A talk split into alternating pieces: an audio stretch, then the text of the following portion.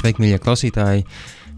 Šis ir Radio Naba zootehnikums, un ar jums šobrīd sarunājas Andris Adminis. Bet man, protams, interesē arī jūsu komentāri, ierosinājumi, kritika. Sūtiet to sociālajos tīklos, atrodiet zootehnikum un atsūtiet ziņu, iekomentējiet, vai jūs man satiekat pret acī, pasakiet, ko jūs par to visu domājat. Es gribu, lai, lai ir pēc iespējas uh, jēdzīgāks saturs raidījumam, lai ir interesantāk, lai tajā piedalās cilvēki, kas kas ir aktuāli, kas dara svarīgas lietas, kas zina uh, interesantas lietas un kas varētu par to pastāstīt pārējiem. Un, un tie, kas klausās raidījumu, jau apmēram apjauš, kas tas ir, bet man liekas, ka šāds te piecgades, es negribētu šo saukt par piecgades svinību raidījumu, bet savā ziņā man liekas, ka, ka šis ir kaut kādā nozīmē mirklis, kad varētu atskatīties atpakaļ un, un, un par, parunāt par pašu zootehniku, kas tas ir. Kopumā es jums redzējumā gribēju, un joprojām gribu atskaņot dažus spilgtus fragmentus no pagājušajā gadā notikušajām sarunām zootehnikumā, bet uh, vispirms par to, kas, kas tad īsti tas pats, pats tas zootehnikums ir. Un, ko es esmu pirms kāda laiciņa uzrakstījis Facebook lapā, ir šāds tekstiņš. Zootehnikums ir saliktenis, ko veido sengrieķu vārdi zojon, ar nozīmi dzīva būtne, dzīvnieks, un tehnē, kas nozīmē prasme, māksla. Un tradicionāla zootehnika ir bijusi lauksaimniecības zinātne, kas pētīja dzīvnieku audzēšanu un maksimāli efektīvu izmantošanu. Savukārt zootehnikums ir izglītības iestāde, kur to apgūst šo zinātni. Un, un zootehniķi tādējādi ir cilvēki, kas izglītojas saistībā ar dzīvnieku fizioloģiju, audzēšanu, barošanu, lai pēc tam šīs savas prasmes maņas uh, izmantotu dzīvnieku audzēšanas efektivizēšanā, lai, lai panāktu lielāku ražīgumu, vairāk peļņas ražotājiem. Un, un, un, jā, tas ir mazliet pretēji tam, ar ko nodarbojas zootehnikums. Jo, jo zootehnikums, tātad tālāk tekstā teikts, zootehnikam aicina uztvert dzīvniekus kā ko daudz vairāk par noderīgām lietām un dzīvām ražošanas iekārtām vai izklaides objektiem. Un tāpēc zootehnika mērķis ir veicināt izpratni un zināšanas par dzīvniekiem, kā jūtošiem un unikāliem planētas iemītniekiem. Un līdz ar to arī veicināt cieņpilnu un iejūtīgu izturēšanos. Ja, tad, tad kaut kādā mērā raidījums nodarbojas ar dažādu stereotipu kliedēšanu un, un zināšanu vairošanu par to, kādi ir dzīvnieki, ko mēs ar viņiem darām, kāda tam ir ietekme un sekas uz, uz pašu dzīvnieku labklājību, uz cilvēku veselību, uz planētas vidi un vis visādām citām lietām sabiedrībā. Jo, nu, šobrīd dzīvnieku audzēšana ir tik milzīgos apmēros, ka, ka neizbēgam tam ir ietekme uz, uz, uz ļoti daudz ko. Un zootehnikums, ko man eh, patīkās saukt par radiožurnālu, ar intervijām, ziņām, interesantiem faktiem, ir dzirdams uh, Radio Naba Viļņos, FM 95,8. Bet arī internetā visi raidījumi ir dzirdami tiešraidē un arī ierakstos. Un, un vienlaikus arī ar, ar šo vārdu ar, un dažādu dombiedru palīdzību zootehnikums rīko bezmaksas pasākumus, kinoseansus un lekcijas saistībā ar to, kas notiek ar zemes iemītniekiem, četrkājainiem, divkājainiem, spārnainiem un, un visādiem citiem. Un zootehnikums, tāpat kā visi citi radionāba raidījumi, cik man zināms, ir jau kopš pirmsākumiem tāds entuziasma projekts, lieta, ar ko nodarbojas cilvēki bez atalgojuma un savā brīvajā laikā. Un, Un, protams, tas notiek aiz vēlmes padarīt šo sev svarīgo tēmu redzamāku, saprotamāku sabiedrībā. Un, un šajā sakarā, ja vēlaties palīdzēt, varat arī atbalstīt finansiāli topošos raidījumus un, un, un citas zemes zootehniku vārdu rīkotās lietas pasākumus. Uh, arī rakstus, ko es veidoju, meklējiet manu vārdu Sandrs Adminis, uh, patreon.com lapā, kas ir crowdfunding tāds projekts, iespēja atbalstīt cilvēkus, kas dara jūsuprāt iedzīgas lietas. Tur ir gan dažādi mākslinieki, mūziķi, bet arī visādi aktīvisti. Tā skaitā es pats, kā tāds satura veidotājs, kas grib ar to nodarboties pēc labākās sirdsapziņas, radot to, kas cilvēkiem šķiet svarīgs, vērtīgs, nozīmīgs. Un, un tāpēc es esmu izveidojis Patreon profilu, kur ir iespēja uzlikt uh, kaut vai vienu dolāru simbolisku ikmēneša atbalstu, un, un tas palīdz atvēlēt laiku raidījumu saturam, viesu atrašanai, uzmeklēšanai, satikšanai, montāžai, izplatīšanai un visādām citām lietām. Tā kā jā, patreon.com tur var atrast Sounders admins vai zootehnikums. Kas to lai zina, kā, kāda būs raidījuma nākotne, šobrīd izskatās, ka mums pievienosies uh, vēl kāds redzējuma vadītājs, ja, ja viss labi aizies. Cerams, drīz arī būs vairāk video ieraksti. Cerams, ka radionābas studijā šeit būs kvalitatīva video novērošanas iekārta. Tiem, kas mani nezina nepazīst, es varu īsi pateikt, ka esmu nācis no laukiem, audzis kurzemes pusē ar visādiem lopiņiem, nelieliem, lielākiem man savu, savu laiku bērnībā nu, ir paticis viss kaut kas saistībā ar, ar dabu un dzīvniekiem. Tā skatā arī makšķerēt, ķert vēžus, pētīt visādus dzīvnieku atliekas mežā, tur kaulus, ragus un pēdas un, un putnu līgstas un, un jā, kopš bērnības kaut kādā palēnām pašam neskaidrā veidā ir izaugusi arī tāda īpaša sajūta attiecībā uz dzīvniekiem, ka mēs esam par viņiem atbildīgi daudz vairāk nekā tas reāli pasaulē notiek. Nu, piemēram, ko es mēdzu tā, kā tādu varoņu darbu stāstīt. Nākot no skolas mājās, man liekas, es gāju kādā piektajā klasē. Pirms mājām esošās graudu kaltes, tādas augstas kolhoza laiku ēkas augšējā daļā, mūsējā kaķene uzrāpusies kaut kur pa, pa iekšpusi un, un ņaudēja ne tikai vienu dienu, bet arī jau nākamajā, varbūt pat trešajā. Kamēr es nospriedu, ka, ka kaut kas ir jādara, jo viņi acīm redzami pati zemē netiek, un, un tad es blakus esošās ēkas kāpnēm, tā, tā, nu, ne ēka, bet vēl tāds metāla cisterna, uzrāp, uzrāpos augšā ar dēli padusē rokā, pārmet to pāri, lai sasniegtu tās graudu kaltes sēkas stūri, lai tā kaķene var tikt pie manis. Un, protams, viņi ļoti baidījās, un, bet tomēr laikam saprata, ka es esmu vienīgā cerība viņai tikt zemē un atpakaļ. Un tad viņi ir panāca pāris soļus priekšu, saķēru es viņu aiz čupra un, un pie, pie, pievilku sev klāt. Viņa ieķērās manā džemperī kārtīgi, līdz ar to man viņa gandrīz nebija jātur, un tā es viņu nodabūju arī zemē, protams, trīcošām rokām un kājām. Kaut kādā ziņā man šis stāsts ir palicis spilgtā atmiņā, ka nu, kā tāds apliecinājums, ka jā, tas ir svarīgi. Es nevaru atstāt viņu vienu pašu, redzot, ka kāds ir nelaimē, pat ja tas nav cilvēks, pat ja man ir tādēļ varbūt ne tikai jātērē savs laiks un enerģija, bet arī ar kaut ko jāriskē. Un, un kaut kādā ziņā šī sajūta, pārliecība man ir izaugusi daudz lielāka attiecībā arī uz, uz visdažādākajām citām būtnēm, kas mūsdienu pasaulē ir nonākušas nelaimē vai nu cilvēka rīcības dēļ, vai, vai kāda cita iemesla dēļ, tas pat nav svarīgi. Bet uh, palīdzēt tiem, tiem, kam ir vajadzīga palīdzība, tas, tas man ir bijis tāds centrālais motivators arī šī raidījuma veidošanai un, un visam, ko es daru, lai aizstāvētu dzīvniekus.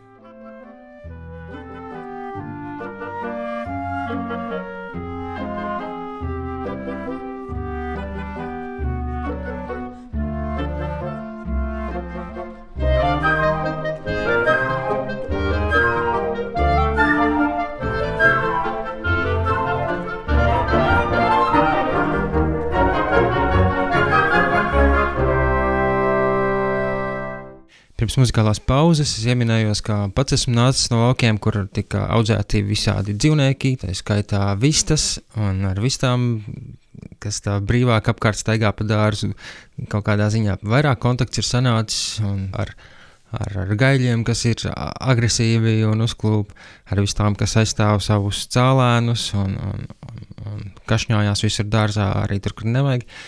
Un šai sakarā man bija interesanti sarunāties pagājušā gada sākumā ar kādu sievieti, Irēnu vārdā, kas ir paglābusi no nāves, ja nemaldos, vairāk kā simts vistas, kuras viņa būtībā izmitina kā tādā vistu pansionātā, ļauj viņām mierīgi nodzīvot savu dzīvi. Un interesanti tas, ka šo sievieti satiku Maltā. Viņa ir latvieta, kas savulaik ir pārcēlusies dzīvot vidusjūras vidū uz salas. Un tad nu, ar viņu arī man izdevās ierakstīt interesantu sarunu, kurā piedalījās arī divas vistas, uh, Gailis un Vista. Bet, uh, man liekas, svarīgākais tas, kā Irēna stāsta par šiem dzīvniekiem, viņus palīdzot uztvert tiešām kā, kā tiešām individus, tāpat kā mēs uztveram suņus vai kaķus vai, vai viens otru Protams, ir atšķirības, bet, bet tas, ka arī visām ir savi raksturi, sava uzvedības specifika, kas ir individuāla un tā tālāk. Es domāju, daudz to nezinu, un, un Irēna to ļoti sirsnīgi un draudzīgi pastāst. Un, un tāpēc es piedāvāju jums pāris fragmentiņus no mūsu sarunas.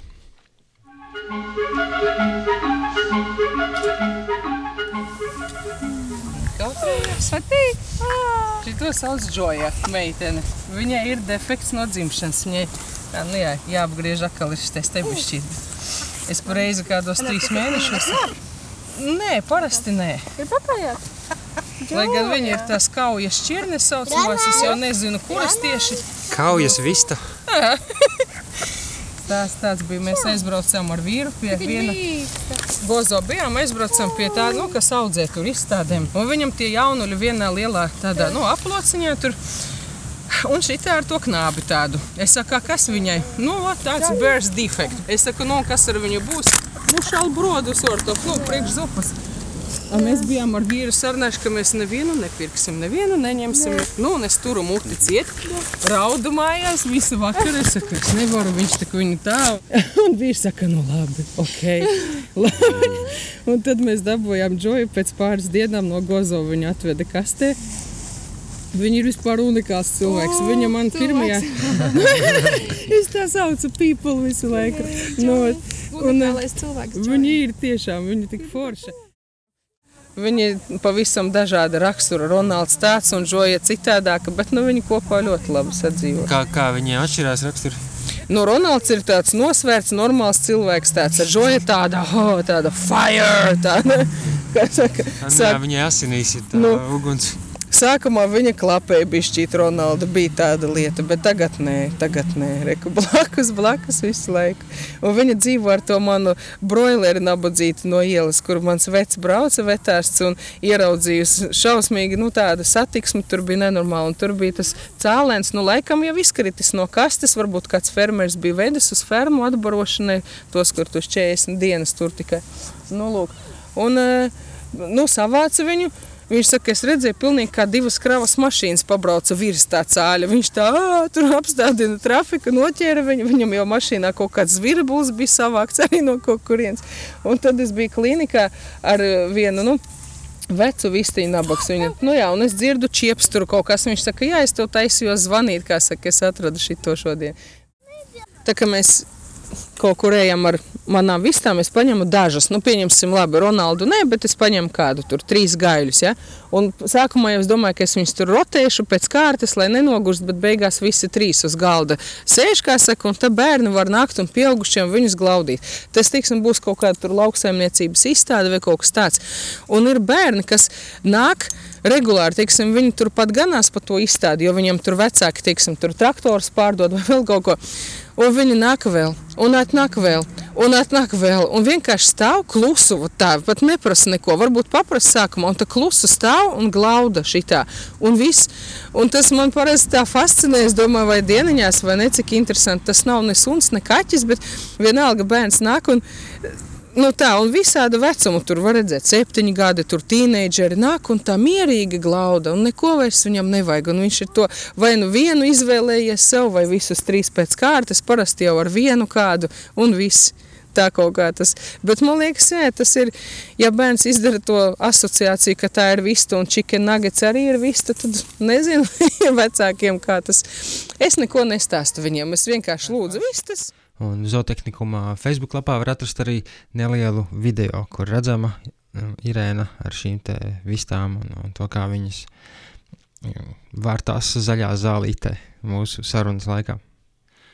Kā jau minēju, es esmu audzis laukos, bet pēc tam jau pārceļoties uz pilsētu un, un pēc tam nolemjot uh, Rīgā studēt, es pievērsos filozofijas studijām, kur arī kaut kā neplānot trāpījās iedziļināties vairāk tēmās par cilvēku miedarbību ar pārējo sugu būtnēm, par uh, mūsu uh, saskarsmi ar dzīvniekiem, par to, kādas ir ētikas normas, kā, tas, kā tās ir veidojušās, cik tās ir pamatotas. Par to es arī uzrakstīju savu diplomu darbu, bakalaura darbu, sāku veidot blogu Man um, liekas, ka ir tik maz informācija Latvijas mēdīņu telpā, ka, ka kaut kas ir jādara. Līdz ar to es izveidoju Wikipēdijā entos šķirkļus, izveidoju Wikipēdijā šķirkļus par uh, vegānismu, vegetārismu, dzīvnieku tiesībām, dzīvnieku aizstāvības ētiku, justspēju un visādām citām lietām. Lai cilvēki, kam tas patiešām nopietni interesē, var arī kaut ko atrast tādu. Un tā laikā es arī daudz informācijas iegūstu klausoties podkāstus, līdzīgi kā radio raidījumus. Un, un tad es ar kaut kā pie tā pieradu, un, un ar laiku aizvien vairāk likās, ka, hei, kāpēc es pats kaut ko tādu uh, nevarētu uztaisīt? Protams, ka varētu, un, un kad gadījās šī iespēja, uzaicinājums, piedāvājums radio nabā veidot raidījumu, tad arī tas sākās. Un, uh, arī šo te jau filozofijas studiju ietveros, aizvien skaidrāk parādījās tas, ka cilvēktiesību jautājumi ir cieši saistīti ar, ar dzīvnieku tiesību jautājumiem, ka bieži vien tās ētiskās problēmas, to cēloņi un risinājumi ir cieši saistīti. Līdz ar to aizvien vairāk es arī pievērsu uzmanību šīm te saiknēm starp cilvēktiesībām, dzīvniektiesībām, un par, par to arī nākamie pagājušā gada raidījumi tika veidoti, kur ļoti palīdzēja Anija Sprīvule, kas arī intervēja raidījumu viesus. Un, jā, veseli divi raidījumi par tēmu intersekcionalitāte, ja par to, kā dažādas uh, segmenti uh, tiesību aizstāvības uh, tādā lielajā cīņu laukā pārklājās. To, cik daudz ir līdzīga un radniecīga cilvēktiesībām, dzīvniektiesībām, vidas aizstāvībai un tā tālāk pirmajā izskanēja neliela saruna ar divām sievietēm no Lielbritānijas un ASV, Lorena Lū un Līza Kemerere, par to, kā dzīvnieku aizstāvība ir cieši saistīta, nesaraujami pat saistīta ar, ar cilvēktiesībām, ar, ar sieviešu tiesību aizstāvību. Un, un par to, kāpēc dzīvnieku aizstāvības organizācijām, kustībām vajadzētu uh, kļūt iekļaujošākām, lai, lai tas taptu spēcīgāks. Un, un tas nozīmē aizstāvēt arī tos, kas darbojās šajās organizācijās, ne tikai tos, kas, kas ir mūsu galvenais mm, rūpju mērķis, dzīvnieki, pārējie dzīvnieki, bet jā, arī divkājienie runājošie dzīvnieki. Tā kā paklausāmies šos fragmentus. Intersekcionalitātes saknes meklējums 20. gadsimta 80. gados. Kimberlija Krenšava bija pirmā aktīviste, kura lietoja šo jēdzienu. Viņa to lietoja, lai aprakstītu unikālas pieredzes, ko piedzīvo sievietes ar tumšu ādas krāsu. Viņas ir pakļautas nevien rasismam, bet arī seksismam. Līdz ar to viņām ir atšķirīga pieredze gan no vīriešiem ar tumšu ādas krāsu, gan sievietēm ar gaišu ādas krāsu. Būtībā tas nozīmē, ka visu veidu sistēmiska apspiešana, rasisms, seksisms, diskriminācija, diskriminācija cilvēku vecuma dēļ, diskriminācija pret cilvēkiem ar invaliditāti. Būtībā jebkāda veida diskriminācijas formas, tās visas ir savstarpēji saistītas, un tās visas ir sistēmiskās apspiešanas rezultāts. Un sudzisms, ko mēs pazīstam saistībā ar dzīvnieku ēšanu un izmantošanu, ir savstarpēji saistīts ar visām šīm sistēmiskās apspiešanas formām. Un tikai vēršoties pret tām visām reizēm, mēs varam atbrīvoties no tām. Vai tu varētu pastāstīt sīkāk, kāpēc intersekcionalitāte ir būtiska dzīvnieku tiesību kustības daļa un vai vispār tā tāda ir? Es domāju, ka tā pavisam noteikti ir. Mēs nekad nespēsim atbrīvot dzīvniekus, ja joprojām pastāvēs rasisms, seksisms, homofobija un tā tālāk. Jo sistēma, kurā mēs šobrīd dzīvojam, ir kapitālistiska, patriarchāla, kura valda binārais pretnostatījums. Viena lieta skaitās labāka par otru. Vīrieši, sievietes, gaišādaini cilvēki, tumšādaini cilvēki, bagāti, nabaga cilvēki, pārējie dzīvnieki. Vienmēr ir šie divi, no kuriem viens ir daudz privileģētāks kā otrs, bet kamēr otrs šīs viņa privilēģijas apspiež, tādēļ to ir ļoti svarīgi apzināties.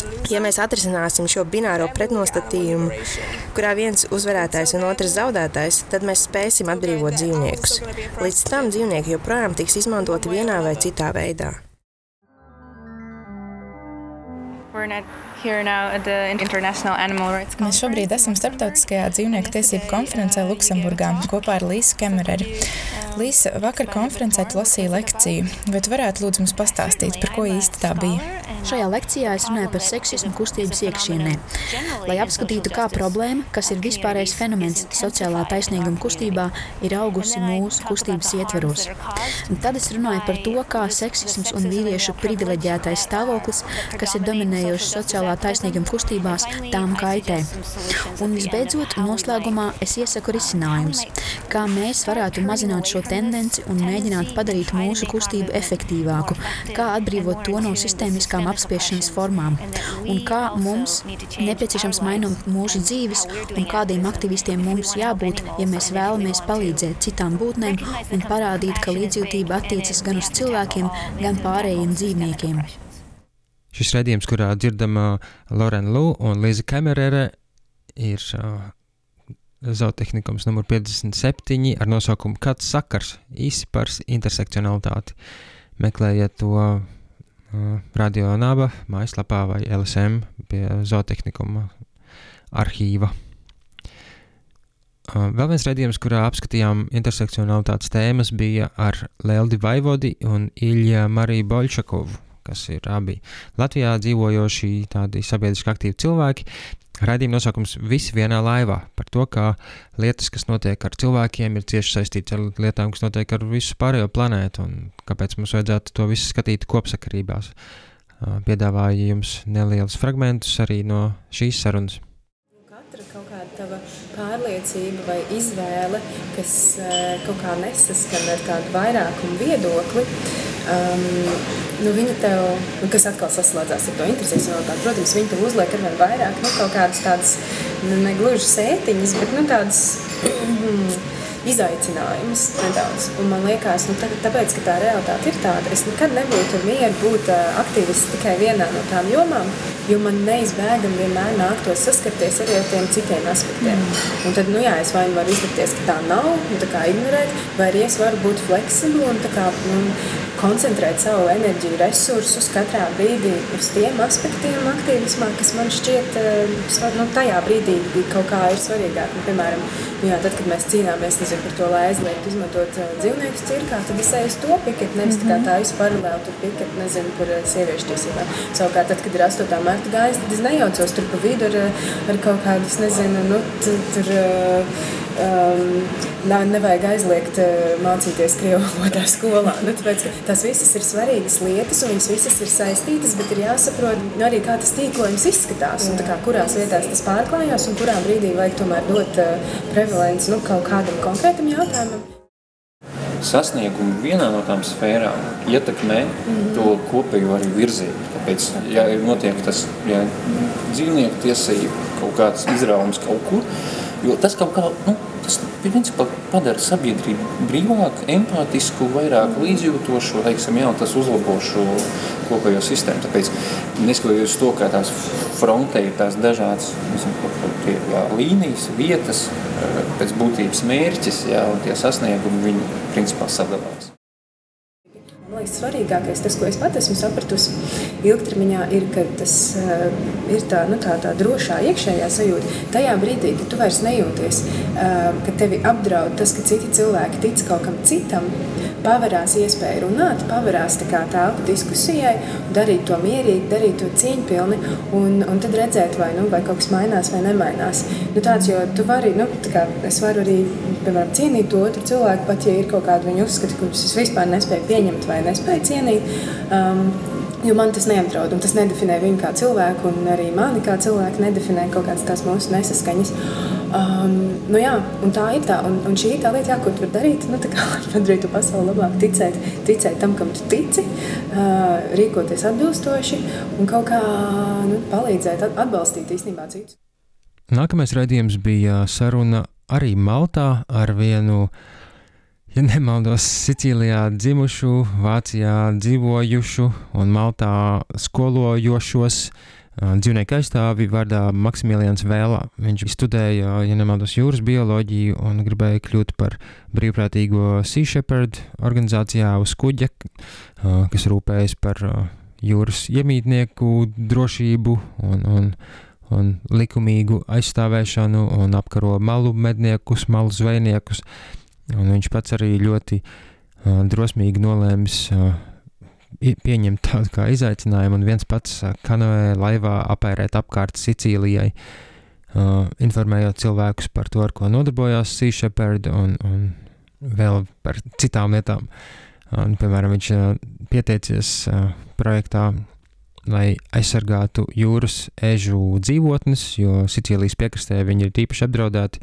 Viņus uzskata par delikatesi un, un ķeksē laukā milzīgos daudzumos, lai gan tie jau ir apdraudēti dzīvnieki. Tur klausieties pāris fragmentus no sarunas ar Maksimiliānu Vēlu. Aļi um, un delfīni ir tādi kā zvaigznes dzīvnieku tiesību ziņā un tam līdzīgi. Visiem ir svarīgi, lai delfīniem, bruņurupučiem un vaļiem vidusjūrā klājas labi un viņu populācija pieaug. Tomēr liekas, ka viss pārējais nešķiet svarīgi. Taču vienlaikus, kad cilvēki velta savu uzmanību šiem dzīvniekiem un mēģina panākt viņiem kaut ko labu to dabiskajā vidē, tas nāk par labu arī citiem dzīvniekiem. Ja palīdzam vaļiem vidusjūrā, tas nozīmē, ka būtu jāierobežo saimnieciskā darbība ne tikai visur ap Dženovas līdz Itālijā, bet arī zemāk, līdz pat Maltai jo vairums vidusjūras vaļu migrē no vienas šīs vietas līdz otrai, un tad dodas laukā uz Atlantijas okeānu. Tāpēc, ja tiešām vēlamies par viņiem rūpēties, mums būtu jāpārtrauc visa šī jūras apgabala izmantošana. Un tas nozīmē nevien to, ka vaļu populācija pieaugs, bet arī to, ka šis process atstās pozitīvu iespēju uz visu ekosistēmu kopumā. Es izvēlējos Maltu lielākoties tāpēc, ka šeit ir jūra, un līdz ar to studiju gadu laikā es varu koncentrēties uz ar jūru saistītām lietām. Mēs apgūstam jūras bioloģiju, tēmas saistībā ar zvejniecību un citas. Šobrīd es neesmu daļa no Sea Shepherd organizācijas, taču mēģināšu nākamā gada februārī tai pievienoties. Jau esmu par šo un to vienojies ar viņiem. Piemēram, kad darbošos kā lauka brīvprātīgais Sicīlijā. Daudz cilvēku nepamatot domā, ka Sea Shepherd ir tikai tas lielais kuģis, kas cīnās pret vaļu medīšanu pie Antarktīdas pret jauniem Japānas medniekiem. Taču tas ir tikai viens no viņu 13 kuģiem. Pārējie 12 ir iesaistīti haizivju aizsardzībā, tunču aizsardzībā, zīvju un ekosistēmu aizsardzībā kopumā, kā tas notiek Sirkūzu apkārtnē Sicīlijā. Organizācijas darbība kopumā ir daudz plašāka nekā tā tiek atspoguļota mēdījos. Tā ir tikai aizbarga redzamā daļa. Ir patīkami zināt, ka viņi darbojas un dara kaut ko visiem noderīgu, taču daudzi neapjauš, kas ir daudz reālāki draudi.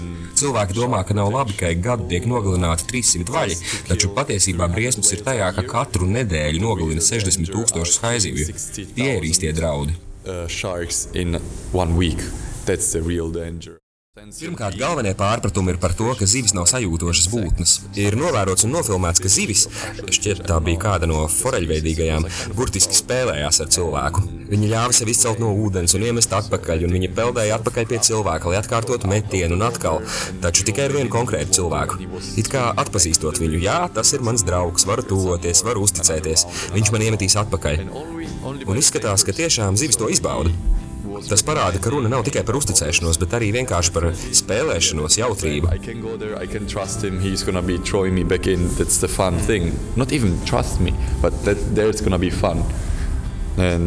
Un tas, manuprāt, ir galvenais. Tik daudz cilvēku joprojām nošķir zivis no pārējiem dzīvniekiem, kā teiktu, es vairs neēdu gaļu, es tagad vairs nelietoju piena produktus. Un tad šis cilvēks tev saka, ka šodien gatavos pusdienās zivi. Bet nopietni, ko? Gaļa, zivis, dzīvnieks, tas ir tas pats. Starp viņiem nav būtiskas atšķirības tikai tāpēc, ka kulinārijā to sauc atšķirīgi, arī cilvēki to sauc atšķirīgi. Un mums arī vajadzētu cienīt visus, ne tikai sauszemes un lidojošos dzīvniekus, bet arī peldošos, jo tas ir nekas cits kā lidošana ūdenī, poētiski izsakoties. Šādi raidījumu ar nosaukumu Mēs visi nākam no jūras. jeb saruna ar Maksimilianu Vēlu, gan latviešu, gan angļu valodā varat atrast arī vai nu zootehnikuma sadaļā naba.lv lapā, vai arī Mixcloud arhīvos pie zootehnikuma. Nākamais raidījums bija par augam ēdienas svētkiem. Augam samērā jauna organizācija, kas nodarbojas ar augu valsts pārtikas popularizēšanu, normalizēšanu, parādīšanu cilvēkiem, cik tas viss ir daudzveidīgi, garšīgi, pieejami. Un, un šī organizācija ar vairākiem man pazīstamiem cilvēkiem, kas arī kādreiz ar ko mēs kopā strādājām, kad vēl darbojamies dzīvnieku brīvībā, rīko sezonāli tādus augu augu ēdienu svētkus. Būtībā kā tāda branči visas dienas garumā, bet katrā sezonā viens. Un Tallinas ielas kvartālā ir samērā plašas telpas teritorija, kur ar to izvērsties un, un savilkt kopā visādus Latvijā uh, esošos augu ēdienu ēdinātājus, ražotājus. Kā šajā sarunā piedalījās Denovīta Rogīnska, kas arī pastāstīja, kāda ir augama specifika, ko viņi dara kā tas atšķirās arī no vegānu festivāla, lai gan, protams, tas gala mērķis pa lielam ir tas pats - parādīt cilvēkiem, cik forši un daudzveidīgi un garšīgi var būt auga ēdieni, lai mazinātu cilvēku vēlmi ēst dzīvniekus.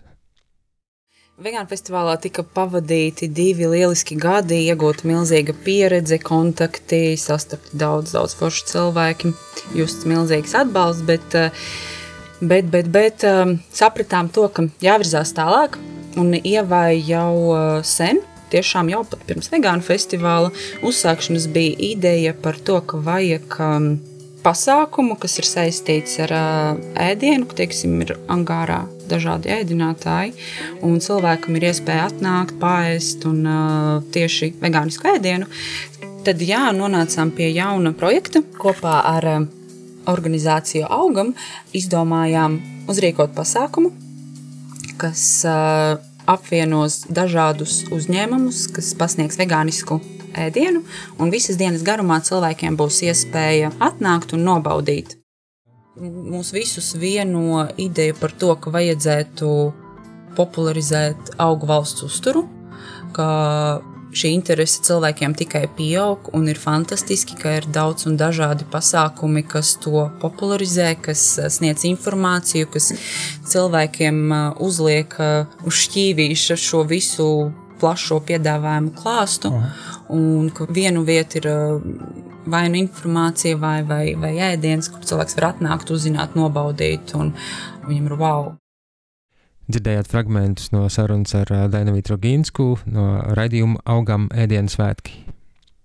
Vēl viena saruna bija ar Lāsmu Liepiņu, aktīvisti, dzīvnieku aizstāvi, kas uh, nesen bija atgriezusies no Lielbritānijas, un nu, kaut kādā nozīmē viņa atveda uz Rīgu tās ielu akcijas, ar ko joprojām nodarbojas Rīga Animal Save aktīvisti.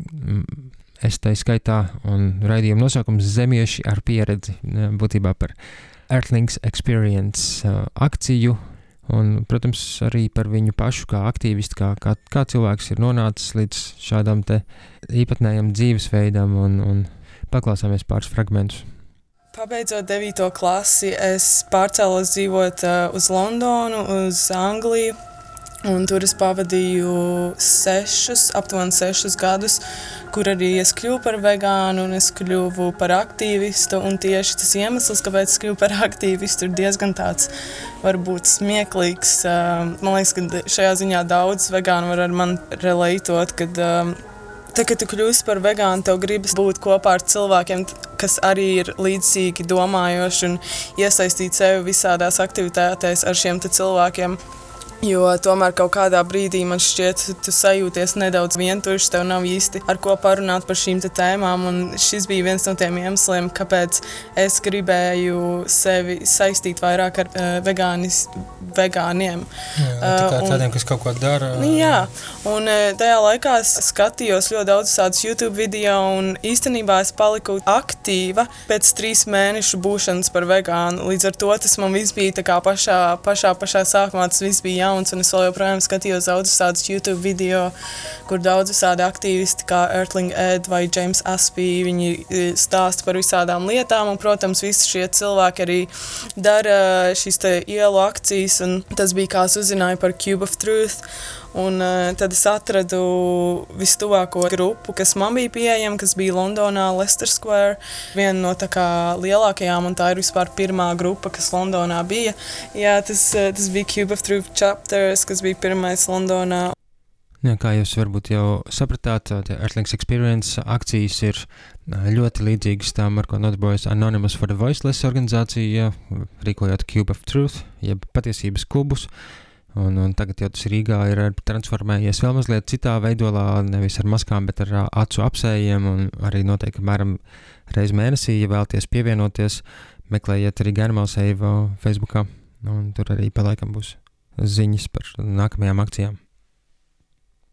Vēl kādā raidījumā es nolēmu pastāstīt par sav, saviem atklājumiem, sevis uh, izpētīto saistībā ar dzīvnieku nēdājiem senajos laikos, antīkajā pasaulē. Tā es arī to nosaucu dzīvnieku neēdāji antīkajā pasaulē, kas būtībā ir tāds vēsturiskā, garākās, garāka stāsta mhm, pirmā daļa par to, kādos veidos un ar kādiem uh, argumentiem dzīvnieki tika aizstāvēti pret apēšanu jau senās Indijas teritorijā, kur par to runāja džainisti un budisti un arī hinduisti, aktualizējot tā saukto uh, karmas principu. Un, un ļoti interesanti, ka apmēram tajā pašā laikā arī apmēram 2,5 tūkstoši gadus pirms mūsu ēras par ļoti līdzīgām lietām runāja arī citā pasaules malā, senajā Grieķijā, kur bija tāds vīrs, piemēram, kā Pitagors.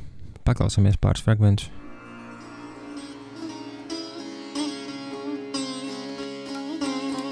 Šobrīd esam aizceļojuši uz 6. gadsimtu pirms mūsu ēras, tāliem austrumiem, senās Indijas teritorija, kur Magadas karalistē, jeb Indijas, mūsdienu Indijas austrumos, notika neparasta ideju daudzveidība un ideja apmaiņa, kur tur darbojās klejojoša filozofija, tā skaitā Mahavīrs, kas ir džainismu pamatlicējs, un Siddhārta Gautama, jeb budismu pamatlicējs. Šie un daudz citi tādi filozofijas prediķotāji, diskutētāji runāja un diskutēja par pasaules būtību, kas īsti ir tas, kurā mēs dzīvojam, kāpēc pasaule ir tāda, kā tā ir, vai cilvēkam piemīt brīvā griba, vai arī viss ir iepriekš noteikts.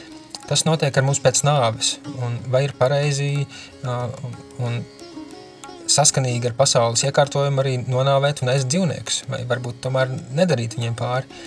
Tajā laikā attīstījās un parādījās arī daudz dažādas īpatnējas mācības, kas nu jau ir aiz, aizmirstas, bet aizsākušās vienlaicīgi ar budismu un džainismu no nedaudz vēlākiem laikiem, apmēram 500. gada pirms mūsu ēras, džaina tekstā Joga Šastrā ir šādi fragmenti. Visas elpojošās, eksistējošās, dzīvojošās, jūtošās būtnes vajadzētu pasargāt no nokaušanas, no vardarbības, no mocīšanas, no spīdzināšanas un no padzīšanas. Un cits citāts vēl, visas jūtošās būtnes mīl savu dzīvību, tiecas pēc patīkamā un izvairās no sāpēm. Jā, būtībā katram sava dzīvība dārga.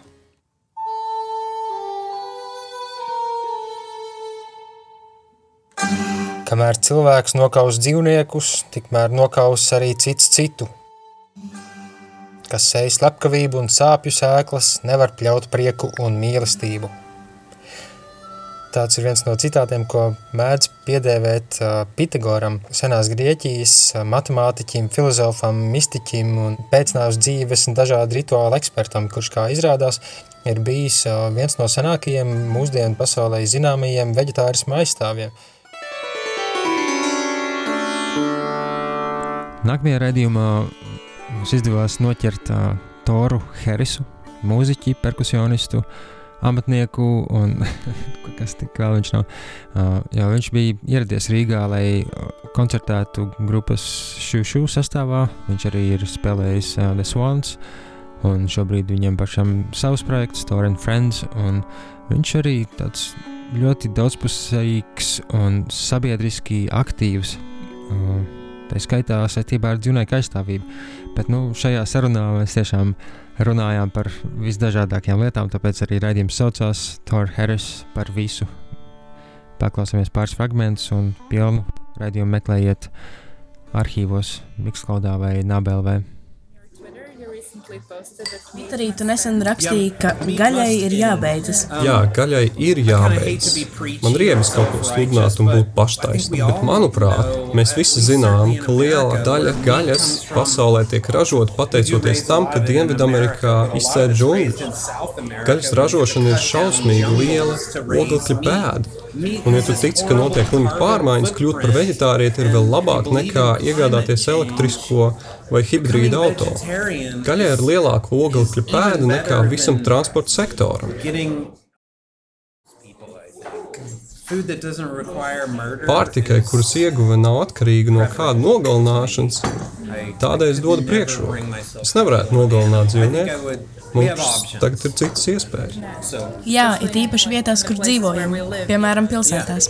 Tieši tā, lai saražotu augus cilvēku uzturēšanai, ir jāpatērē daudz mazāk enerģijas nekā, lai saražotu lobarību lopiem, kur pēc tam ir jānokauj un rodas daudz mēslu un atkritumu. Tā kā tas ir tīrāks, vienkāršāks pārtiks ražošanas veids, un tas ir arī lētāk. Vasaras sākumā man arī izdevās noķert Rīgā Sanitu Ločmeli, kas jau kādu laiku arī nedzīvo vairs Latvijā, bet gan tepat pāri dīķim Zviedrijā.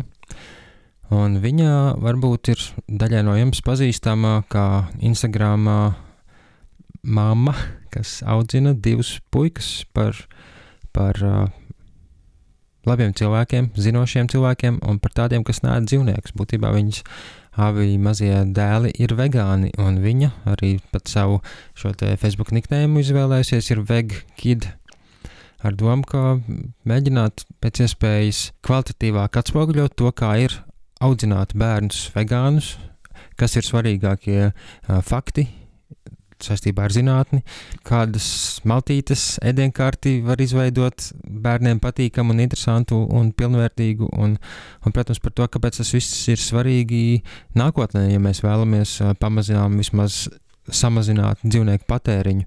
Tā kā paklausieties, kas viņai par to sakāms. Un, uh, mans mērķis ir uh, parādīt, ka pilnīgi normāla ģimene, pilnīgi normāliem bērniem var uh, dzīvot arī pilnīgi normālu vegānisku dzīvi. Tātad neēdot dzīvniekus, nevalkājot dzīvniekus. To, ko mēs pērkam, tas arī ir ar domu, ka mēs neizmantojam dzīvniekus savā dzīvē. Es arī gribu parādīt uh, to, ka man bērni bērnu dārzā, uh, tātad bērniem ir 4,5 un 2 gadi Un bērnu dārzā viņi saņems, saņem arī vegānisku uzturu.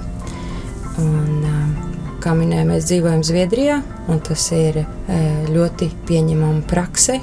Principā visos bērnu dārzos, mācību iestādēs, skolās bērns, ja vēlas, var saņemt vegānisku uzturu. Arī šo raidījumu, protams, varat atrast pilnā garumā, noklausīties. Man liekas, visvienkāršāk ir ierakstīt Google Sanita Ločmele un bērni vegāni.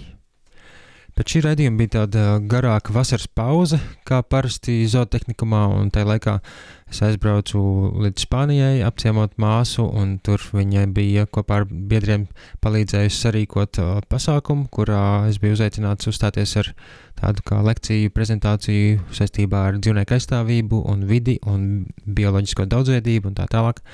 Vasarā bija arī visvisādi pasākumi, kur uh, man uzaicināja, ne, ko es nepateicu sākumā, šis 2019.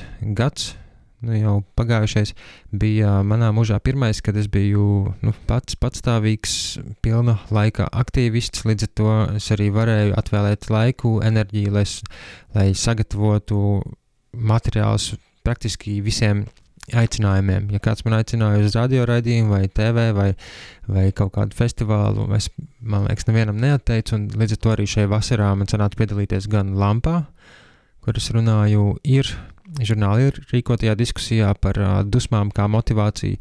Tad bija uh, Sanits Rībens rīkotā diskusija, uh, un vēl trešais bija uh, RTU. Uh, Pēc tam vēl komentā man bija prezentācija, lekcija, uzaicināja man vēl uz Lietuvu un Igauniju tur notiekušiem vegānu festivāliem. Daļa no šiem, šīm te runātajām, stāstītajām lietām ir arī online pieejama. Te pašā manā Patreon kontā var atrast, un, un YouTube ir daži video ieraksti. Nu, īsi sakot, es izmantoju vasaru nevis lai veidotu raidījumus, bet braukājot uz dažādiem šādiem pasākumiem, kur vasarā cilvēki pulcējas, lai, lai atpūstos, izglītotos, sadarbotos, iepazītos. Un, un mana loma bieži vien bija jā, pacelt redzamākā gaismā ar dzīvniekiem saistītās lietas, ar to, ko mēs viņiem nodarām un, un ko mēs varētu darīt varbūt citādāk. man būtībā vasara ievilkās garāka nekā parasti cilvēkiem. Es aizbraucu uz Luksemburgu uz dzīvniektiesību konferenci, kas tur notiek katru gadu. Es cenšos arī tur katru gadu aizbraukt, un, lai uzzinātu vairāk par to, kas, kas tad ir aktuāls citur pasaulē, dažādās organizācijās, kas iestājās par dzīvniekiem, kādi dažādi jauni projekti šajā sakarā, un, un pēc tam vēl piedalījos. Vēl tur uz vietas Luksemburgā rīkotā vigilā, jeb akcijā pie lopkautuvas, Diezgan daudz iespaidu, protams, no, no visiem tiem braucieniem, ko es pēc tam arī pamazām vedu atpakaļ uz Latviju. Kaut kā īstenot produktīvi, efektīvi, interesanti, noderīgi. Bet uh, pirmais, kas notika Latvijā, atgriežoties, bija Fridays for Future. Nākamais jau rīkotais gājiens nākotnē, Un šajā sakarā arī zootehnikumā piedalījās trīs Fridays for Future pārstāvji - Liene, Valentīna un Jēkabs. Par šī gājiena mērķiem, par to, kā, kā tas notiks, kā var iesaistīties un kāpēc tas viss ir svarīgi. Uh, Fridays for Future jau tagad ir uh, globāla kustība, uh, kurā apvienojas jaunieši no jau vairāk kā simts valstīm. Un, um, jaunieši pieprasa ar uh, dažām demonstrācijām rīcību no politiķiem klimata jautājumos, uh, ka šī rīcība nav pietiekama un ka par to ir daudz runāts par klimata jautājumiem un ka mums vajag steidzam rīcību. Daudz jaunieši um, uztraucās par savu nākotni, protams, un uh, tas, ka viņiem liek iet skolā mācīties un uh, visu laiku ir fokus par to, ka, ko darīs, kad, kad izaugsi, kāds būs tavs nākotnes plāns. Te pašā laikā, spriežot pēc visiem zinātnīs datiem attiecībā uz klimatu krīzi, ir skaidrs redzams, ka, ka mēs ejam pilnīgi pretējā virzienā nekā zinātnieki mums saka. Un, līdz ar to, protams, īpaši jaunās paudzes uztraucās par, par to, vai vispār ir jāiet uz skolu, ja, ja nekas netiek darīts. Tikai ir fokus uz to, ka mums ir jābūt skolas solā, bet ko tad dara politiķi? Pagājušā gada rudenī arī notika arī jaunās organizācijas Rīga Animal Save rīkotie pirmie divi vigili, jeb akcijas pie lopkautuvēm, un, un pats pirmais notika oktobrī, un šajā sakarā es sarunājos zootehnikuma ēterā ar vairākiem Rīga Animal Save aktīvistiem, ierakstījām vesels divus raidījumus, vienu pirms notikušā un otru pēc notikušā. Vigils ir atvadu akcija, piemiņas process, kad mēs esam klāt uh, pie dzīvniekiem, ir ļoti svarīgi, ka tas nav protests. Tas ir tieši klātbūtne pie dzīvniekiem. Mēs uh, esam pēdējā brīdī, kad viņi ir dzīvi ar viņiem. Un, Angļu valodā beigas labi ir tas, ka tu biji prezidents, ka tu esi tagad Jā. te, un tas nāk, ka tu esi dāvana, tu esi dāvana te, bet uh, tur ir divi aspekti, manuprāt, kāpēc piedalīties. Viens būtu tas uh, sapazīties ar cilvēkiem uh, un uh, kā, iesaistīties pašam. Nu, tīri tas networkings, kā liekas, kas kā pārlūkot, es nezinu. Jā. Nu, sadraudzēties ar līdzīgi domājošiem cilvēkiem. Un uh, otrs ir uh, tīri būt lieciniekam, jo uh, tas uh, pasākums notiek pie lopkautuvas cūkas. Ja?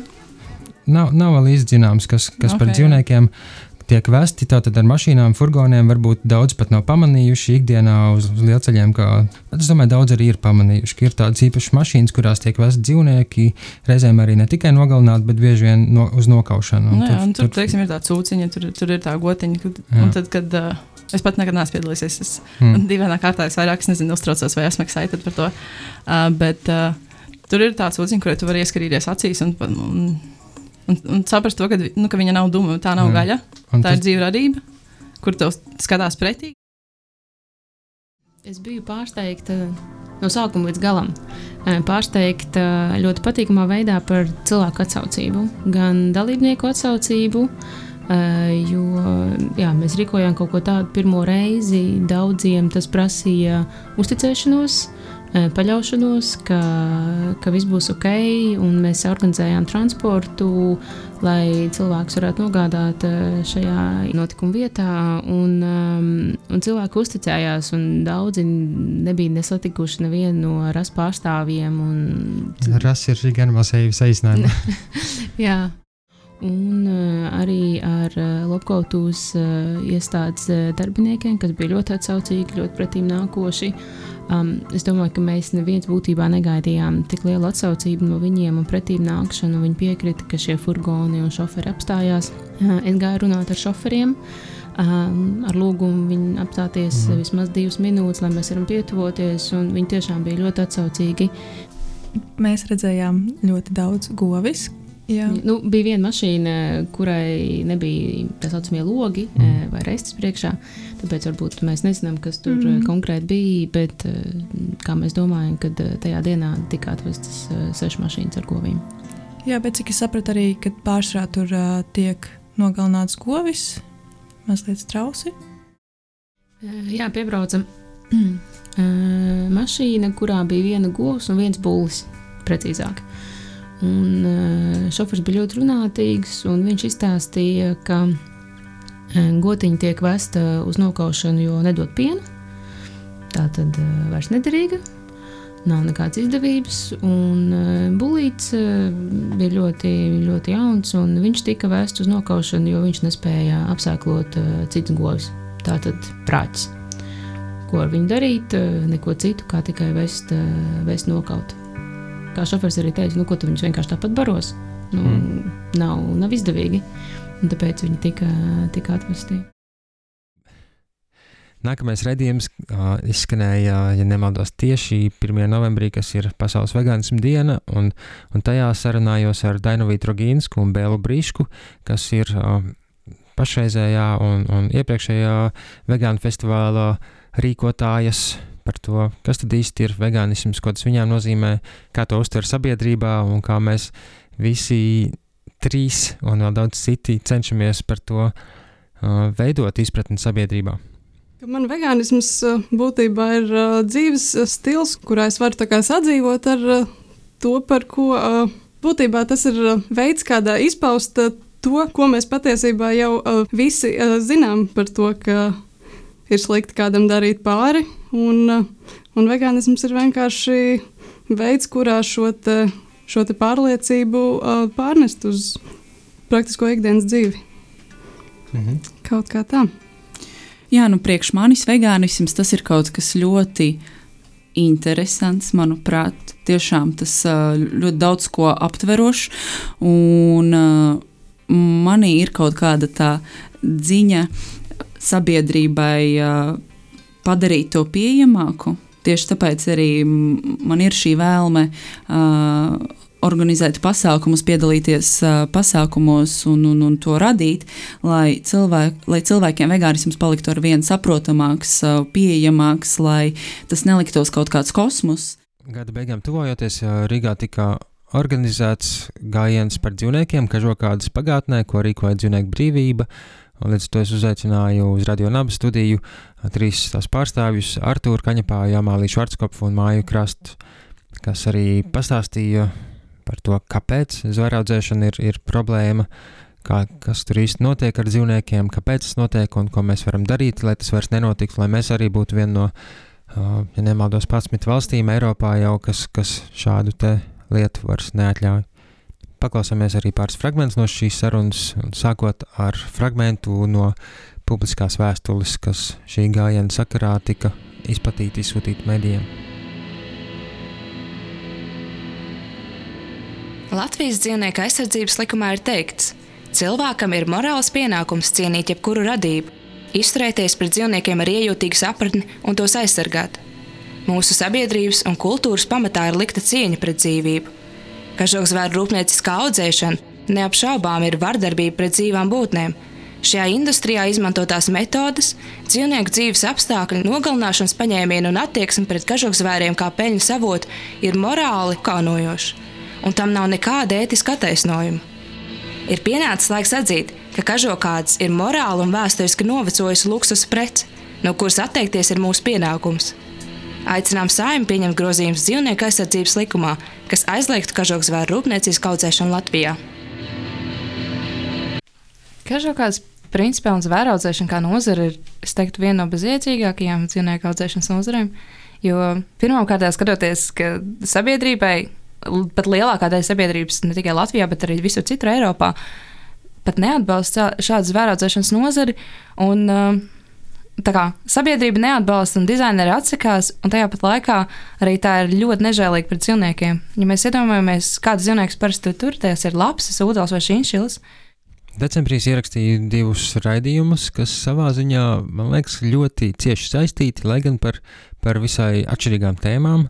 Viens bija uh, saruna ar Bēlu Brišku, teoloģijas studenti, uh, un arī aktīvisti par kristietību un tās ietekmi uz mūsu attieksmi pret dzīvniekiem. Tātad visvisādi bībeliskie apsvērumi, kas, kas nu tur tajā mūzes grāmatā teikts, ko mēs vispār varam šai sakarā secināt, un, un, un kāpēc tam ir bijusi kopš seniem laikiem tik liela ietekme uz, uz visdažādākajām sabiedrībām. Un Dievs radīja cilvēku pēc sava tēla, pēc Dieva tēla viņš to radīja, vīrieti un sievieti viņš radīja. Un Dievs to svētīja un sacīja uz tiem: augļojieties un vairojieties, piepildiet zemi un pakļaujiet sev to, un valdiet pār zivīm jūrā un putniem gaisā un katru dzīvu radījumu, kas rāpo pa zemi.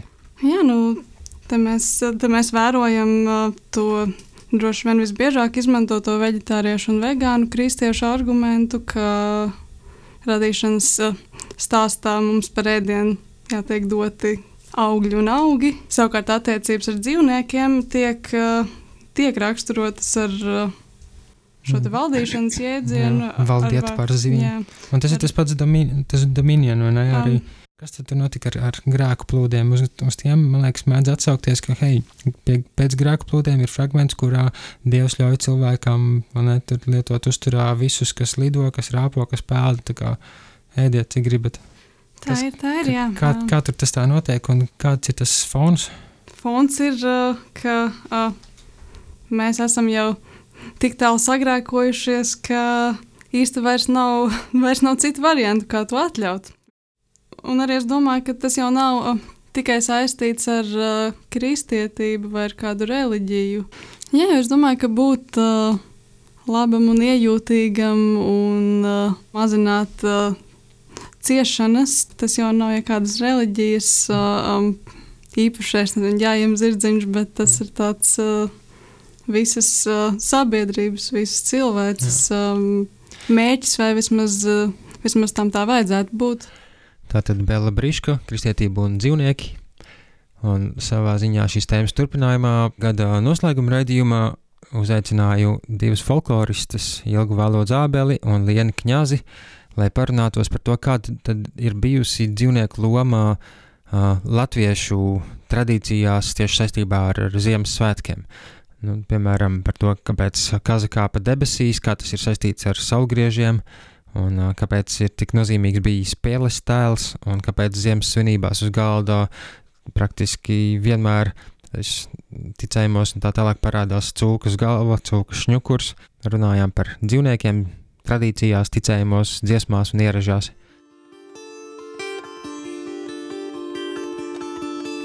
Manuprāt, ka gandrīz visiem dzīvniekiem latviešu mitoloģijā ir kāda nozīme.